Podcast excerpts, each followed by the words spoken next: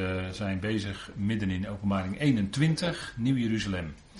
En vlak voor de pauze hadden we het over de steen jaspis. En wat het precies is, dat is uh, ja, waarschijnlijk een, uh, men denkt, een bepaalde vorm van, afgeleid van kwarts. Dus een hele mooie, gepolijst en dan ook door, ja, doorzichtig. En dan heeft het een hele hoge kwaliteit en de meningen zijn verdeeld of dat dan een. Uh, ik heb hier een paar plaatjes opgezet. Of dat dan een roodachtige uitstraling heeft. Of een groenachtige uitstraling. Of zoals deze ook een beetje blauwachtig. Goed, dat kan allemaal. Dat kunnen allerlei kleuren zijn die dan uh, tevoorschijn komen, om het zo maar te zeggen. Dus, maar in ieder geval is dat een uh, geweldige steen. Maar we moeten ook oppassen, want het is vergeleken met. Hè. Johannes ziet dit, maar hij vergelijkt dat met een jaspissteen. Het staat ook als een kristalheldere jaspissteen. Even nauwkeurig blijven lezen, want dat is natuurlijk wel een punt. Maar hij ziet natuurlijk uh, veel licht, goud, doorzichtig goud, met allerlei kleuren. En dan probeert hij dat te omschrijven als, hè, om, wat, wat, hij, wat hem bekend is en zo omschrijft hij dat dan, beschrijft hij dat dan. Dat ziet hij. En dan staat er, en het heeft een grote en hoge muur en het heeft twaalf poorten. En in het verleden is bij Nehemia, in het boek Nehemia, bij de herbouw van Jeruzalem, worden daar allerlei poorten genoemd. En die, hadden toen, die werden toen genoemd uh, Schaapspoort, Vispoort. U ziet het staan, hè? Oostpoort, Paardenpoort, de Mestpoort. Die is er overigens nog steeds, hè, nu in de oude stad. De Mestpoort, vlakbij het Dal Hinnom. Zijn we nog uh, doorheen gekomen toen we in Jeruzalem waren. Door de Mestpoort heen en door de, uh, die andere die er nu ook is. De, bijvoorbeeld de Jaffa-poort. Of de Gouden Poort is natuurlijk dicht, hè, want uh, u ziet daar op uh, de poorten die er nu zijn. Ten tijde van Nehemia had je 11, 12 poorten. Maar de poorten die er nu zijn, u ziet daar bijvoorbeeld uh, op dat andere plaatje de Gouden Poort. Die zie je dus als je op de Olijfberg staat of zit, zie je de Gouden Poort, maar die is dichtgemetseld. Want daarachter heb je dus wat dan nu, dat is, de, dat, is dat plein natuurlijk hè, met de Dome of the Rock en de Al-Aqsa moskee. dus die poort is dichtgemetseld. En uh, ja, men heeft daar soms dan prachtige gedachten over dat men zegt van als de Messias komt zal hij door de Gouden Poort naar binnen trekken. Nou denk het maar niet, want wat gebeurt er voordat de Heer zijn voeten zet op de Olijfberg? Is die al gespleten? Is er een grote aardbeving geweest? En dan staan die muren echt niet meer overeind hoor. En die is die Gouden Poort, die dichtgemetselde, is er ook helemaal niet meer. Dus dat zijn natuurlijk prachtige voorstellingen van allerlei christenen. Heel mooi, maar de beschrijving is natuurlijk dat er een aardbeving komt en dan is die er niet meer. Dus dit is de huidige oude stad, die dan weer uh, gedeeltelijk uh, in de loop van de tijd natuurlijk verwoest is geworden en weer herbouwd en weer verwoest. En dus allemaal puinlagen. En dus als je daar loopt, bijvoorbeeld over de Via Dolorosa, is dat absoluut niet de straat waar de Heer zelf gelopen heeft, want die ligt veel dieper. Daar zijn allerlei puinlagen overheen gekomen. Dat hebben we toen gezien met de rondleiding en gids die vertelde dat. En op een gegeven moment liep je over een, een plaatje, een uh, glazen plaat, liep je overheen. En toen zei de gids, nu naar beneden kijken, dan zie je Plaveisel. Dat is 2000 jaar geleden, zei hij toen. Nou, dat was behoorlijk diep. En daar had je toen even een momentje dat je dacht van ja, wacht even, daar kan dus de Heer gelopen hebben. Dat is wel even dat je denkt van ja, dat is toch echt historisch iets wat, uh, hè, wat daar... Uh, wat er allemaal is, en dat is gewoon bijzonder als je daar een keer bent. Maar nu is het Israël, eh, dat is natuurlijk wel zo, het is de Joodse staat, maar dit Israël is, is daar grotendeels in ongeloof. Je moet natuurlijk ook vaststellen. Zo is het ook. Het is ook prachtig vanwege alle geschiedenis die daar ligt en het zal, heeft ook een geweldige toekomst. Maar nu, als je er nu komt, ja, dat is toch. Uh, het is niet. Dan denk je aan hoe het zal zijn in de toekomst. Als Israël weer wedergeboren is. Als daar de Messias zullen eren. Als hij daar zal uh, bij gelegenheid eh, zou komen als vorst, als David koning daar zal zijn. Dat soort gedachten gaan door je heen, hoe geweldig dat dan zal zijn, maar dan moeten we ook weer allemaal opgebouwd worden. dus dat, dan is het heel anders dan dat het nu is. Het heeft eh, een hoge muur. En die muur, dat is natuurlijk wel een punt. eh, die muur is natuurlijk een vorm van afscheiding. En je kunt overwegen, als je het hebt over het Nieuw Jeruzalem, heeft een muur met twaalf poorten, waardoor dan de koningen van de natie naar binnen zullen gaan in de nieuwe aarde. Je kunt natuurlijk overwegen, uiteindelijk komt er een moment dat die tweede dood wordt opgegeven, dat God alles in allen wordt. En die hele verzoening, dus in de hele schepping aan iedereen, alles en iedereen wederzijds met God verzoend is. Dat dan die muren ook weg zullen zijn. Dat die muren op een gegeven moment er niet meer zullen zijn. Omdat het muren zijn. En muren is per definitie afscheiding. Dus alles wat dan scheiding maakt in die nieuwe schepping. Als God verzoend is en alles in allen of ik moet zeggen, als al die schepselen met God verzoend zijn, God alles in allen is, dan is er geen enkele mogelijkheid meer van muur of afscheiding of wat dan ook. Dan is één grote eenheid, die schepping. Dus je kunt overwegen dat die muren op een moment weg zullen vallen. Dat staat niet geschreven, maar het is een overweging, dus een conclusie op grond van een aantal dingen die je naast elkaar zet. En het heeft wel twaalf poorten. En op de poorten twaalf boodschappers en hun namen opgeschreven, wat de namen zijn van de twaalf stammen van de zonen van Israël. Dus hoe je dat moet voorstellen, op de poorten twaalf boodschappers, die misschien die poorten ja, daar zullen zijn, uh, ja, bewaken, ik weet het niet, uh, wat, dat zou kunnen. En hun namen zijn de namen van de twaalf stammen van de zonen van Israël. dat is natuurlijk hier duidelijk de zonen van Israël. Niet de zonen van Jacob, want Jacob was degene die nog niet ten volle, in wie dat geloof nog niet ten volle doorwerkte. Maar toen hij bij de Jabok geweest was, toen was het Israël. En toen was het ook anders in het leven van Jacob. Dus Israël wil ook zeggen, uh, ja, je kunt het natuurlijk op verschillende manieren vertalen. Uh, vorst met God, of uh, ja, het wordt ook soms wel anders, anders uh, weergegeven. Hè. Kijk, als je zegt vorst met God, dat kan. Het kan ook zijn. Uh, uh, Israël is degene die oprecht met God gaat. dan vertaal je het van, dan benader je het wat vanuit een andere kant. Oprecht met God, zo kun je het ook vertalen. Israël. Maar goed, in ieder geval zal Israël dan het volk zijn wat dan met de Messias nog regeert. Zij zijn dan niet meer priesters, want God zelf zal te midden van de mensen wonen, dus dan is het priesterschap niet meer nodig. Maar dan is er nog wel regering. Dan is nog sprake van volkeren. Dat is nog niet volkomen. Israël zal dan regeren met de Messias. Hè? Dat zo, uh, zo staat dat. Als we kijken naar die namen die genoemd worden in Ezekiel 48. Als je het daarmee vergelijkt. Dan zie je dat daar. Dan gaat het even onderscheid. Hè? Dan gaat het om Ezekiel 48. Het Jeruzalem en de tempel in de duizend jaar.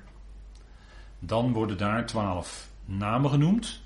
En mogelijk dat die namen ook zijn de namen die bij dat Nieuw Jeruzalem betrokken zijn. Want het zijn de twaalf zonen van Israël, Ruben, Juda, Levi, als noordelijke in Ezekiel 48 genoemd. Jozef Benjamin dan als oostelijke, Simeon Issachar Zebulon als zuidelijke poorten. En Gad, Aser en Naphtali als westelijke. Zo zal het zijn in de duizend jaren, zo zullen ze dan heten. Hè? Die, uh, en misschien mag je dat doortrekken naar de situatie op de nieuwe aarde. Dat is even een overweging. Maar dan zie je dus wel dat het noorden, dat, heeft, uh, dat hebben we met de studies van uh, de tabernakel ook gezien met elkaar. Het noorden uh, heeft te maken met het koningschap, met het leiderschap. En dan zien we ook bij de noorden, zien we ook Ruben, Juda. En Levi natuurlijk als de priesterstam. Maar Juda is natuurlijk bij uitstek de stam waaruit de koning voortkomt. Goed. En u ziet hier het plaatje is van, uh, ik denk het Tempelinstituut hoe men zich dat voorstelt dat het in, de, in het koninkrijk, in het komende koninkrijk zal zijn. Maar goed, dat is een tekening natuurlijk, hè, dus uh, mogelijk. Dan staat er van die poorten, vanaf oost zijn drie poorten, vanaf noord drie poorten, vanaf zuid drie poorten, vanaf west drie poorten. En als we dat vergelijken met hoe dat opgesteld is in Tenach, dan zien we dat daar een uh, soortgelijke volgorde wordt gehanteerd in uh, Numeri. Dan is het, uh, of dan is het een, sorry, dan is het in Numeri een iets andere volgorde. Hier is het oost, noord, zuid, west. Terwijl in Numeri is het eerst oost en dan zuid en west en dan noord. En in Ezekiel 42 hetzelfde. En in Ezekiel 48 wordt het in een iets andere volgorde weer genoemd. Hè? Dus dat geef ik maar even mee, dat u dat dus na kunt kijken. 12. En de muur van de stad had twaalf fundamenten. En daarop de twaalf namen van de twaalf apostelen van het lammetje. Dus hier wordt het getal 12 drie keer genoemd. 12 is in de schrift het getal van regering of van heerschappij. En dat blijkt uit het voorgaande van de schrift. Je hebt bijvoorbeeld 12 apostelen van de besnijdenis, die zullen regeren. Je hebt uh, de zon die, de, de zon die regeert 12 uren van de dag. En de maan 12 uren van de nacht. En zo kun je dat getal 12 steeds verbinden met op een of andere manier het leiderschap, of zoals u wilt, het koningschap of regering, of wat dan ook. 12 heeft in ieder geval te maken met regering. 10 is weer een ander getal bijvoorbeeld, en 11, maar 12, dan ben je echt bij regering. En zo kon de, zo moest ook aan het begin van de prediking van het koninkrijk het twaalftal volgemaakt worden. Eh, Matthias. En zo kon eh, men dan beginnen met dat evangelie van het koninkrijk te prediken. dat, ontbrak er een, was Judas. En die, die lege plaats moest opgevuld worden. En toen was het twaalftal weer compleet. En toen kon men die verkondiging van het koninkrijk weer doen. Dus dat is wel een bepaalde. en hier ook zien we twaalf fundamenten, twaalf namen van twaalf apostelen. Vanuit die stad is dan ook de regering of de heerschappij over de nieuwe aarde, zou je kunnen zeggen. Dat, dat, dat, dat beeldt dat dus uit. Hè. Is niet voor niks, denk ik. En als we het hebben over fundament, de muur van de stad had twaalf fundamenten. Dat is wat Abraham, hoe, in hoeverre Abraham dat gezien heeft, weten we natuurlijk niet. Maar Abraham heeft wel iets gezien waarschijnlijk, want hij verwachtte de stad met fundamenten. En Mozes heeft natuurlijk op de berg ook iets gezien. Want hij moest het tabernakel maken naar het voorbeeld wat hem op de berg getoond was. Mozes had dus ook, hè, dit zijn hemelse dingen, want het daalt uit de hemel neer op de aarde. En het heeft dus een hemels karakter, zoals het de, de zegeningen en, en, en noem alles maar op voor, voor Israël een hemels karakter hebben. Maar ze genieten die zegeningen met een hemels karakter wel degelijk op aarde. Dat is voor de besnijdenis. Als we het hebben over het lichaam van Christus, waar u en ik deel van uitmaken, dan is er sprake van geestelijke zegeningen te midden van de hemelingen. En die genieten wij ook in feite boven, waar Christus is. dus dat is wel een verschil. En daarom kan Petrus het ook hebben in bijvoorbeeld 1 Petrus over die verwachting die weggelegd is in de hemelen. Maar die zal Petrus met zijn besnijdenis, medebesnijdenisapostel wel degelijk genieten op aarde. En als Paulus het in Colossense 1 heeft over ons verwachtingstegoed of ons verwachting in de hemel, of in de hemelen, Colossens 1 hebben we dat besproken, dan is het niet zo dat wij dus dat verwachting ook op aarde zullen meemaken. Nee, want in Efeze wordt duidelijk dat wij in de komende eonen onze bediening hebben te midden van de hemelsen. En dat is boven. En niet op aarde. Dus die lijnen moet je wel goed uit elkaar houden. Ik wijs er maar weer even op, hè, voor het geval dat. Twaalf apostelen, hè, twaalf namen van de twaalf apostelen van het lammetje. Nou, dat is, mogen duidelijk zijn wie dat zijn. Hè. Kijken we naar dat fundament en we vergelijken dat even met openbaring, dan hebben we eerder gezien die vrouw die getoond wordt in openbaring 12 en die heeft onder de voeten de maan als fundament. Maar dat is zo veranderlijk als ik weet niet wat, want de maan is, hè, zoals u weet, dat is uh, steeds een ander een ander verschijnsel. En dat is niet vast, dat is veranderlijk. Maar hier wordt gesproken, en dat is even het contrast, hè. Hier wordt gesproken bij het Nieuw Jeruzalem over een vast fundament, een blijvend fundament. Wat niet meer vergaat. Babylon, openbaring 17, Daar zit die ontrouwe vrouw op het wilde beest. Die bestuurt dus dat beest. Die bestuurt dus dat wereldrijk, die tien die dat wereldrijk uitmaken. En dat is natuurlijk een heel raar, laten we maar zeggen, fundament waarop die vrouw dan, waarop Babylon dan zetelt. En op een gegeven moment zal zich dat ook tegen de leiderschap in Babylon keren en zal het ook verwoesten. Dat beest zelf gaat dat, dat leiderschap vernietigen. Dat, is, uh, dat ligt nog in de toekomst. Twaalf namen van de twaalf apostelen van het Lammetje. Dus duidelijk dat hier vanuit de regering is over de nieuwe aarde. En dat is nog steeds regering, dus kennelijk, kennelijk uh, zijn de natieën nog niet volledig onderschikkend aan de Messias. Want er moet nog geregeerd worden. Als het niet meer zo zou zijn, uh, niet meer, uh, als, er niet, als er wel volledige onderschikking zou zijn bij de natieën, dan zou er ook niet geregeerd hoeven te worden. Maar er wordt hier nog steeds geregeerd door de Messias en door Israël. Dus dat is kennelijk nog nodig totdat die periode van de nieuwe aarde tot volkomenheid is gegroeid. En dan zal ook dat verdwijnen, hè, die regering. Want als laatste, uiteindelijk moeten al die vijanden onder de voeten van de Christus komen. En als al die vijanden onder zijn voeten gesteld zijn, dat wil zeggen buiten werking gesteld zijn, houdt dat ook daadwerkelijk in, hè, dat woord wordt gebruikt, hè, buiten werking gesteld, dan zal de zoon zelf zich ook onderschikken aan God, aan de Vader, opdat God zij alles in allen. Dan pas is de volkomenheid, dan pas is de voltooiing. Maar dat is pas als Christus zijn koningschap overdraagt aan de Vader. Dan is pas die volkomenheid bereikt. Eerder niet. Dus dat duurt nog een hele eon. En mogelijk hebben we al eerder, maar dat is een suggestie. Mogelijk duurt dat de omloop van de zon, weet u wel. En dat duurt iets van de 25, 26.000 jaar. Maar goed, dat is uh, een gedachte.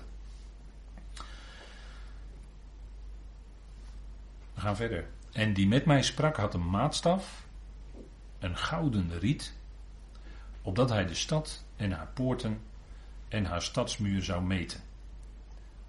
Meten is uh, onder meer het eigendom vaststellen. Hè? Uh, daar is het bijvoorbeeld het kadaster heel goed in. Die meet alles op. Alles wordt vastgelegd in het kadaster. En er staan precies de afmetingen in van jouw woongebiedje, van jouw huis en jouw tuintje en noem alles maar op. En dat is dan jouw eigendom, dat is bezit. Dat is allemaal in het kadaster vastgelegd. Dat is natuurlijk ook voor de Belastingdienst hè, uiteindelijk. Maar goed, dat is uh, terzijde. Tussen haakjes. En de OZB. Ja, nou goed, daar ga ik verder maar niks over zeggen. Maar de stad en haar poorten.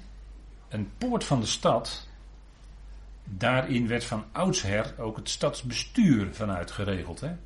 U weet in het oude Sodom, dat is niet zo'n leuke vergelijking. Maar in het oude Sodom zat Lot in de poorten. Dus die was betrokken zelfs bij het stadsbestuur. je zou kunnen zeggen, als ik het vandaag zou vertalen, dat er nog uh, uh, enkele christenen deelnemen aan regeringsdingen uh, en zo. Hè? En dat is misschien wel bekend.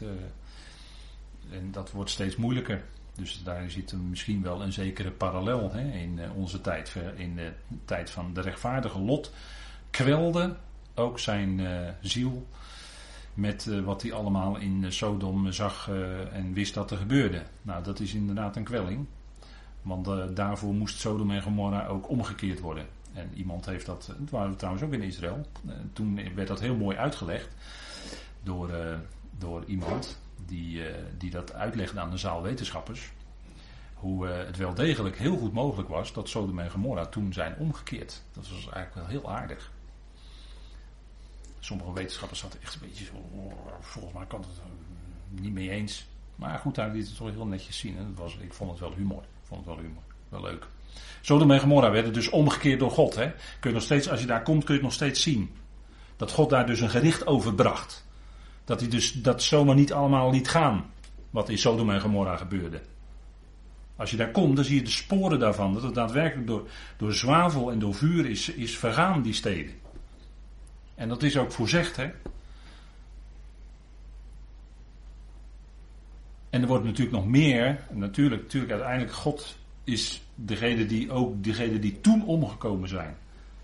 Die zullen ook weer natuurlijk bij de grote witte troon enzovoort. Maar ik wel en Sodom en Gomorra is altijd een, dat is een van de eerste grote gerichten, dus een modelgericht. En als die verschijnselen zich voordoen, dan weet je dat het gericht van God daarop moet komen. En dat gaat ook, dat gaat ook gebeuren. In deze tijd leven wij. Want je hoort ook mensen die niet geloven, hoor je wel zeggen: ja, als ik om me heen kijk, lijkt het wel Sodom en Gomorra. Er zijn mensen die niet geloven, die zeggen dat, die gebruiken die woorden. Nou, als, als die mensen dat al zeggen. En dat is ook zo. En dan moeten we, zeker als uh, Nederland, moeten we ons niet, uh, niet zo goed achter daarin hoor. Als we het hebben over Sodom en Gomorra, dan speelt Nederland daarin geen fraaie rol. Nee. Dus daar moet gericht van God op komen. Dat, dat we zien dat volgroeien in onze tijd. Hè? Dat, dat het zo erg is geworden. Daar moet er gericht op komen. Dat kan niet zo blijven doorgaan. En dat gaat ook komen. Meten is dus hè, de poort. Poort heeft te maken met uh, stadsbestuur, heeft te maken met regering. Hè, want, want als je een poort kan. Uh, een poort, kijk, met een poort kun je bepalen wie de stad wel en niet binnenkomen. Dus dan heb je macht over die stad in feite. Om toe te laten en eruit te laten gaan.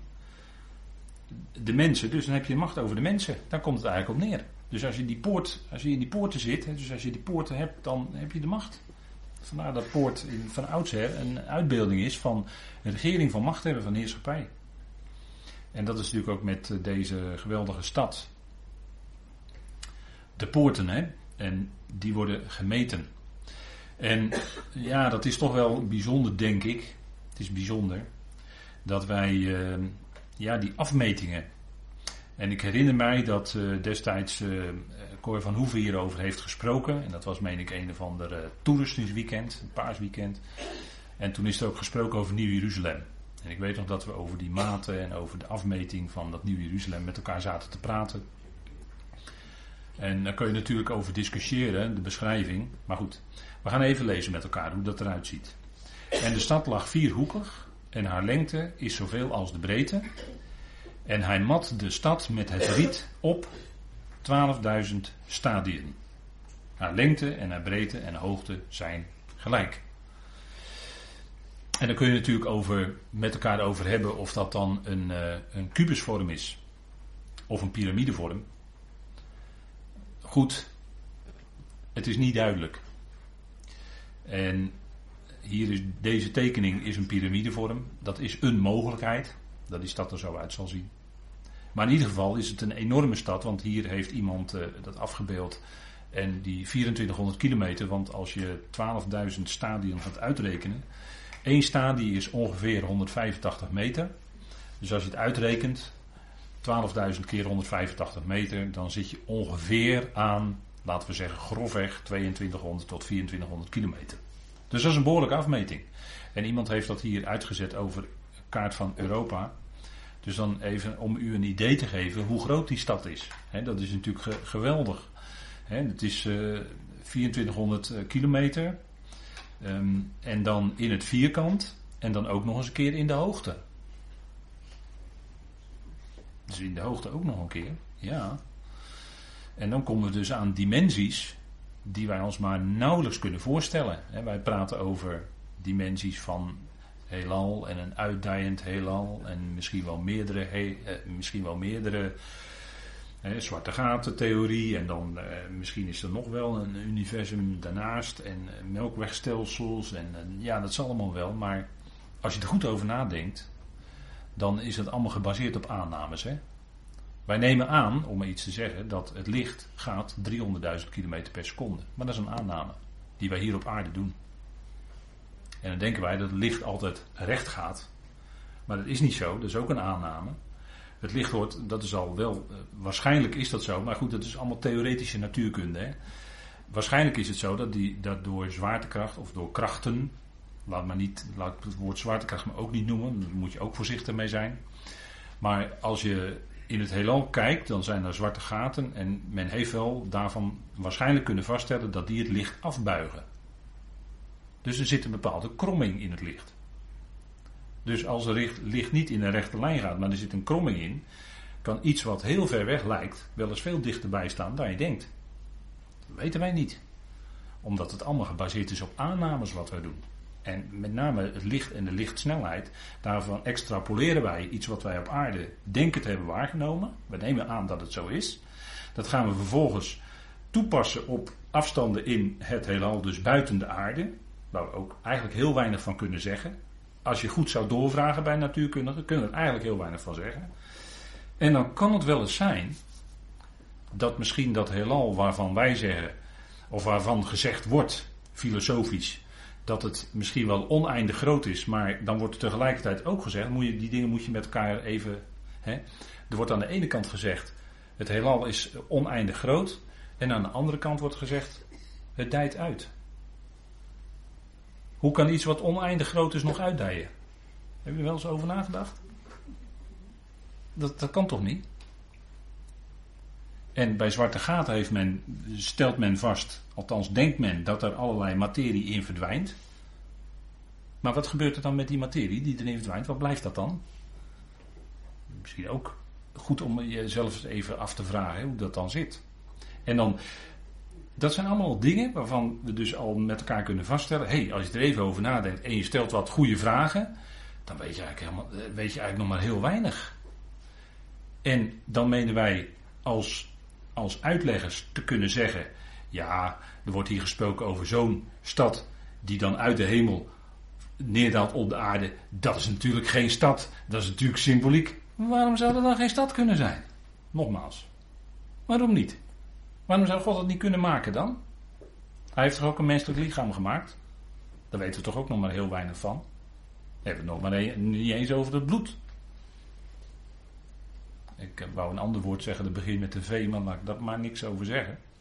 Want dat is al genoeg onderwerp van gesprekken. Maar we weten nog helemaal niks over het bloed. Wat het allemaal is en wat het doet. En... Dus, waar praten we eigenlijk over? God die een menselijk lichaam heeft gemaakt wat zo fantastisch in elkaar zit. Met een eigen immuunsysteem wat goed werkt. En wat je een beetje goed moet onderhouden. Maar dan werkt het prima tegen allerlei ziektes en infecties en dergelijke. En soms moet het wel even extra vitamine C nemen. Of uh, kom ik weer, hè, vitamine D3. Of dat soort dingen. Vitamine B. Vooral in de winter. Buiten lekker bewegen. Is goed voor je. Is goed voor je immuunsysteem. Prima. Heeft God in een menselijk lichaam toch aangelegd? Heeft toch van God gekregen. Waarom zouden we daar nou niet op kunnen steunen en vertrouwen? Waarom niet? En onze tijden zijn toch in zijn hand. Dat is toch ook nog eens een keer zo. En hier op aarde het eeuwige oneindige leven hebben? Nee, dat hebben we niet.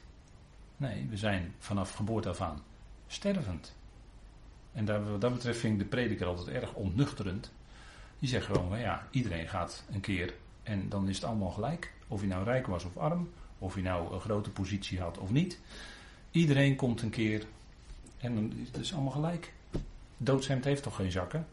Nou, dat soort dingen. Dat ontnuchtert, hè. En we hebben toch, we hebben toch een geweldige toekomst. Een geweldige toekomst. Nou, we weten wat God gaat doen. En dit gaat komen, dat nieuwe Jeruzalem. Dat is natuurlijk fantastisch, zo'n afmeting. 2400 kilometer in de hoogte. Ik heb er niet zoveel moeite mee om dat te geloven hoor. Dat God dat kan maken, heb ik niet zoveel moeite mee om dat te geloven. Nee, dat vind ik niet te fantastisch. Als hij die, deze oude aarde maakt, die laat hij helemaal door vuur vergaan en de hemelen. En dan maakt hij een nieuwe hemelen en een nieuwe aarde. Als God dat allemaal doet, dan kan hij ook een nieuw Jeruzalem laten neerdalen die hij zelf gemaakt heeft, die hij zelf ontworpen heeft. En dat is dan ook blijvend, want het heeft vaste fundamenten van goud en edelstenen en noem alles maar op. Ja, dat is ook, je kan dat niet allemaal met je hersentjes beredeneren misschien. Het is misschien niet allemaal te rationaliseren, zoals we dat dan zeggen. Maar het gaat toch om dat we die dingen geloven. Waarom? Dat staat hier geschreven in de schrift. Dat zijn de feiten. Het staat geschreven. Gods woord. Dat is betrouwbaar. Daar kun je van op aan. Daar kun je mee leven, daar kun je mee sterven, daar kun je, daar kun je echt elke dag op en uit leven. Dan heb je rust. En dan. Mensen worden onrustig. Hoe, hoe komt dat? Dat komt omdat mensen allerlei informatie die op hen afgevuurd wordt tot zich nemen en daar worden ze onrustig van, angstig, bang. Als je nou die knoppers omzet en je gaat eens rustig luisteren, wat zegt God nou? God zegt, mijn tijden zijn, of jouw tijden zijn in mijn hand. In uw hand zijn mijn tijden, zegt de psalmist. Geweldig woord. Daar kun je mee leven. Romeinen 8 is toch ook geweldig. Dat het lijden van deze schepping niet voor altijd zal zijn, maar dat er een geweldige heerlijkheid gaat komen. Het is toch alles in verwachting van de heerlijkheid van God. Dat is het toch. En dat is wat we hier lezen. Dit is de heerlijkheid van God. Het nieuwe Jeruzalem, dat is een fantastische, geweldige stad. Die zal stralen in die nieuwe schepping. En dat zal zo blijven. Als u het mij vraagt. We hebben geen reden om te veronderstellen dat Nieuw Jeruzalem ooit weer zal verdwijnen. Het is een blijvende stad. Abraham woonde tijdelijk in tenten, maar hij verwachtte die blijvende stad, zegt de Hebreeën. Nou, wij verwachten die nieuwe schepping, dat is blijvend. En we hebben al in Christus deel zelfs aan die nieuwe schepping. Je zou bijna willen zeggen, wat wil je dan nog meer? Laat je niet je hoofd niet op hol jagen. Laat je hart niet angstig maken door al die berichten die op je afgevuurd worden. Het gaat om die geweldige God die we mogen kennen, die ons geroepen heeft in genade. En, en door die genade leven we. Die heerlijkheid. Daar gaan we naartoe. Goed, zullen we de Heer daarvoor danken. Vader, we danken u dat we aan het eind van deze avond met overweging over dat geweldige nieuwe Jeruzalem. Vader, wat zo indrukwekkend is en beschreven wordt door Johannes, wat hij zag. We danken u dat dat gaat komen. Dat dat de nieuwe schepping, de nieuwe aarde en ook in de hemel een geweldige uitstraling zal hebben. Van licht van uw heerlijkheid, Vader. Het is de heerlijkheid van God die haar verlicht, staat er. En Vader, dat is iets geweldigs. Blijvend licht. In het, heel, in het geheel geen duisternis. Dat moet allemaal wijken voor dat geweldige licht van u. Vader, u bent licht en in u woont in het geheel geen duisternis. En dank u wel dat u ons geroepen heeft en dat ook wij mensen zijn die dat licht van uw woord hebben. Waardoor ons leven verlicht wordt. Waardoor we kunnen wandelen in dat licht. Vader, dank u wel dat u ons de weg wijst. Dat we steeds weer door dat woord op u gericht worden. En dat we iets van uw heerlijkheid mogen zien. Vader, dank u wel dat uw apostel Paulus dat ook heeft gezien op weg naar Damascus. De heerlijkheid, dat licht, die stem van genade. Vader, dank u wel dat wij daarin leven en daarop leven, daaruit leven. Vader, we willen niets anders dan dat. We danken u voor dit moment wat u ons gaf. We danken u dat we, Vader, elke keer weer ons laten voeden en koesteren door dat wat u zegt.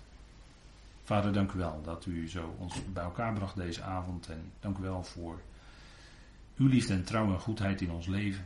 Dat u dat uitwerken verder en bestendigen. Dank u wel dat u dat ook doet.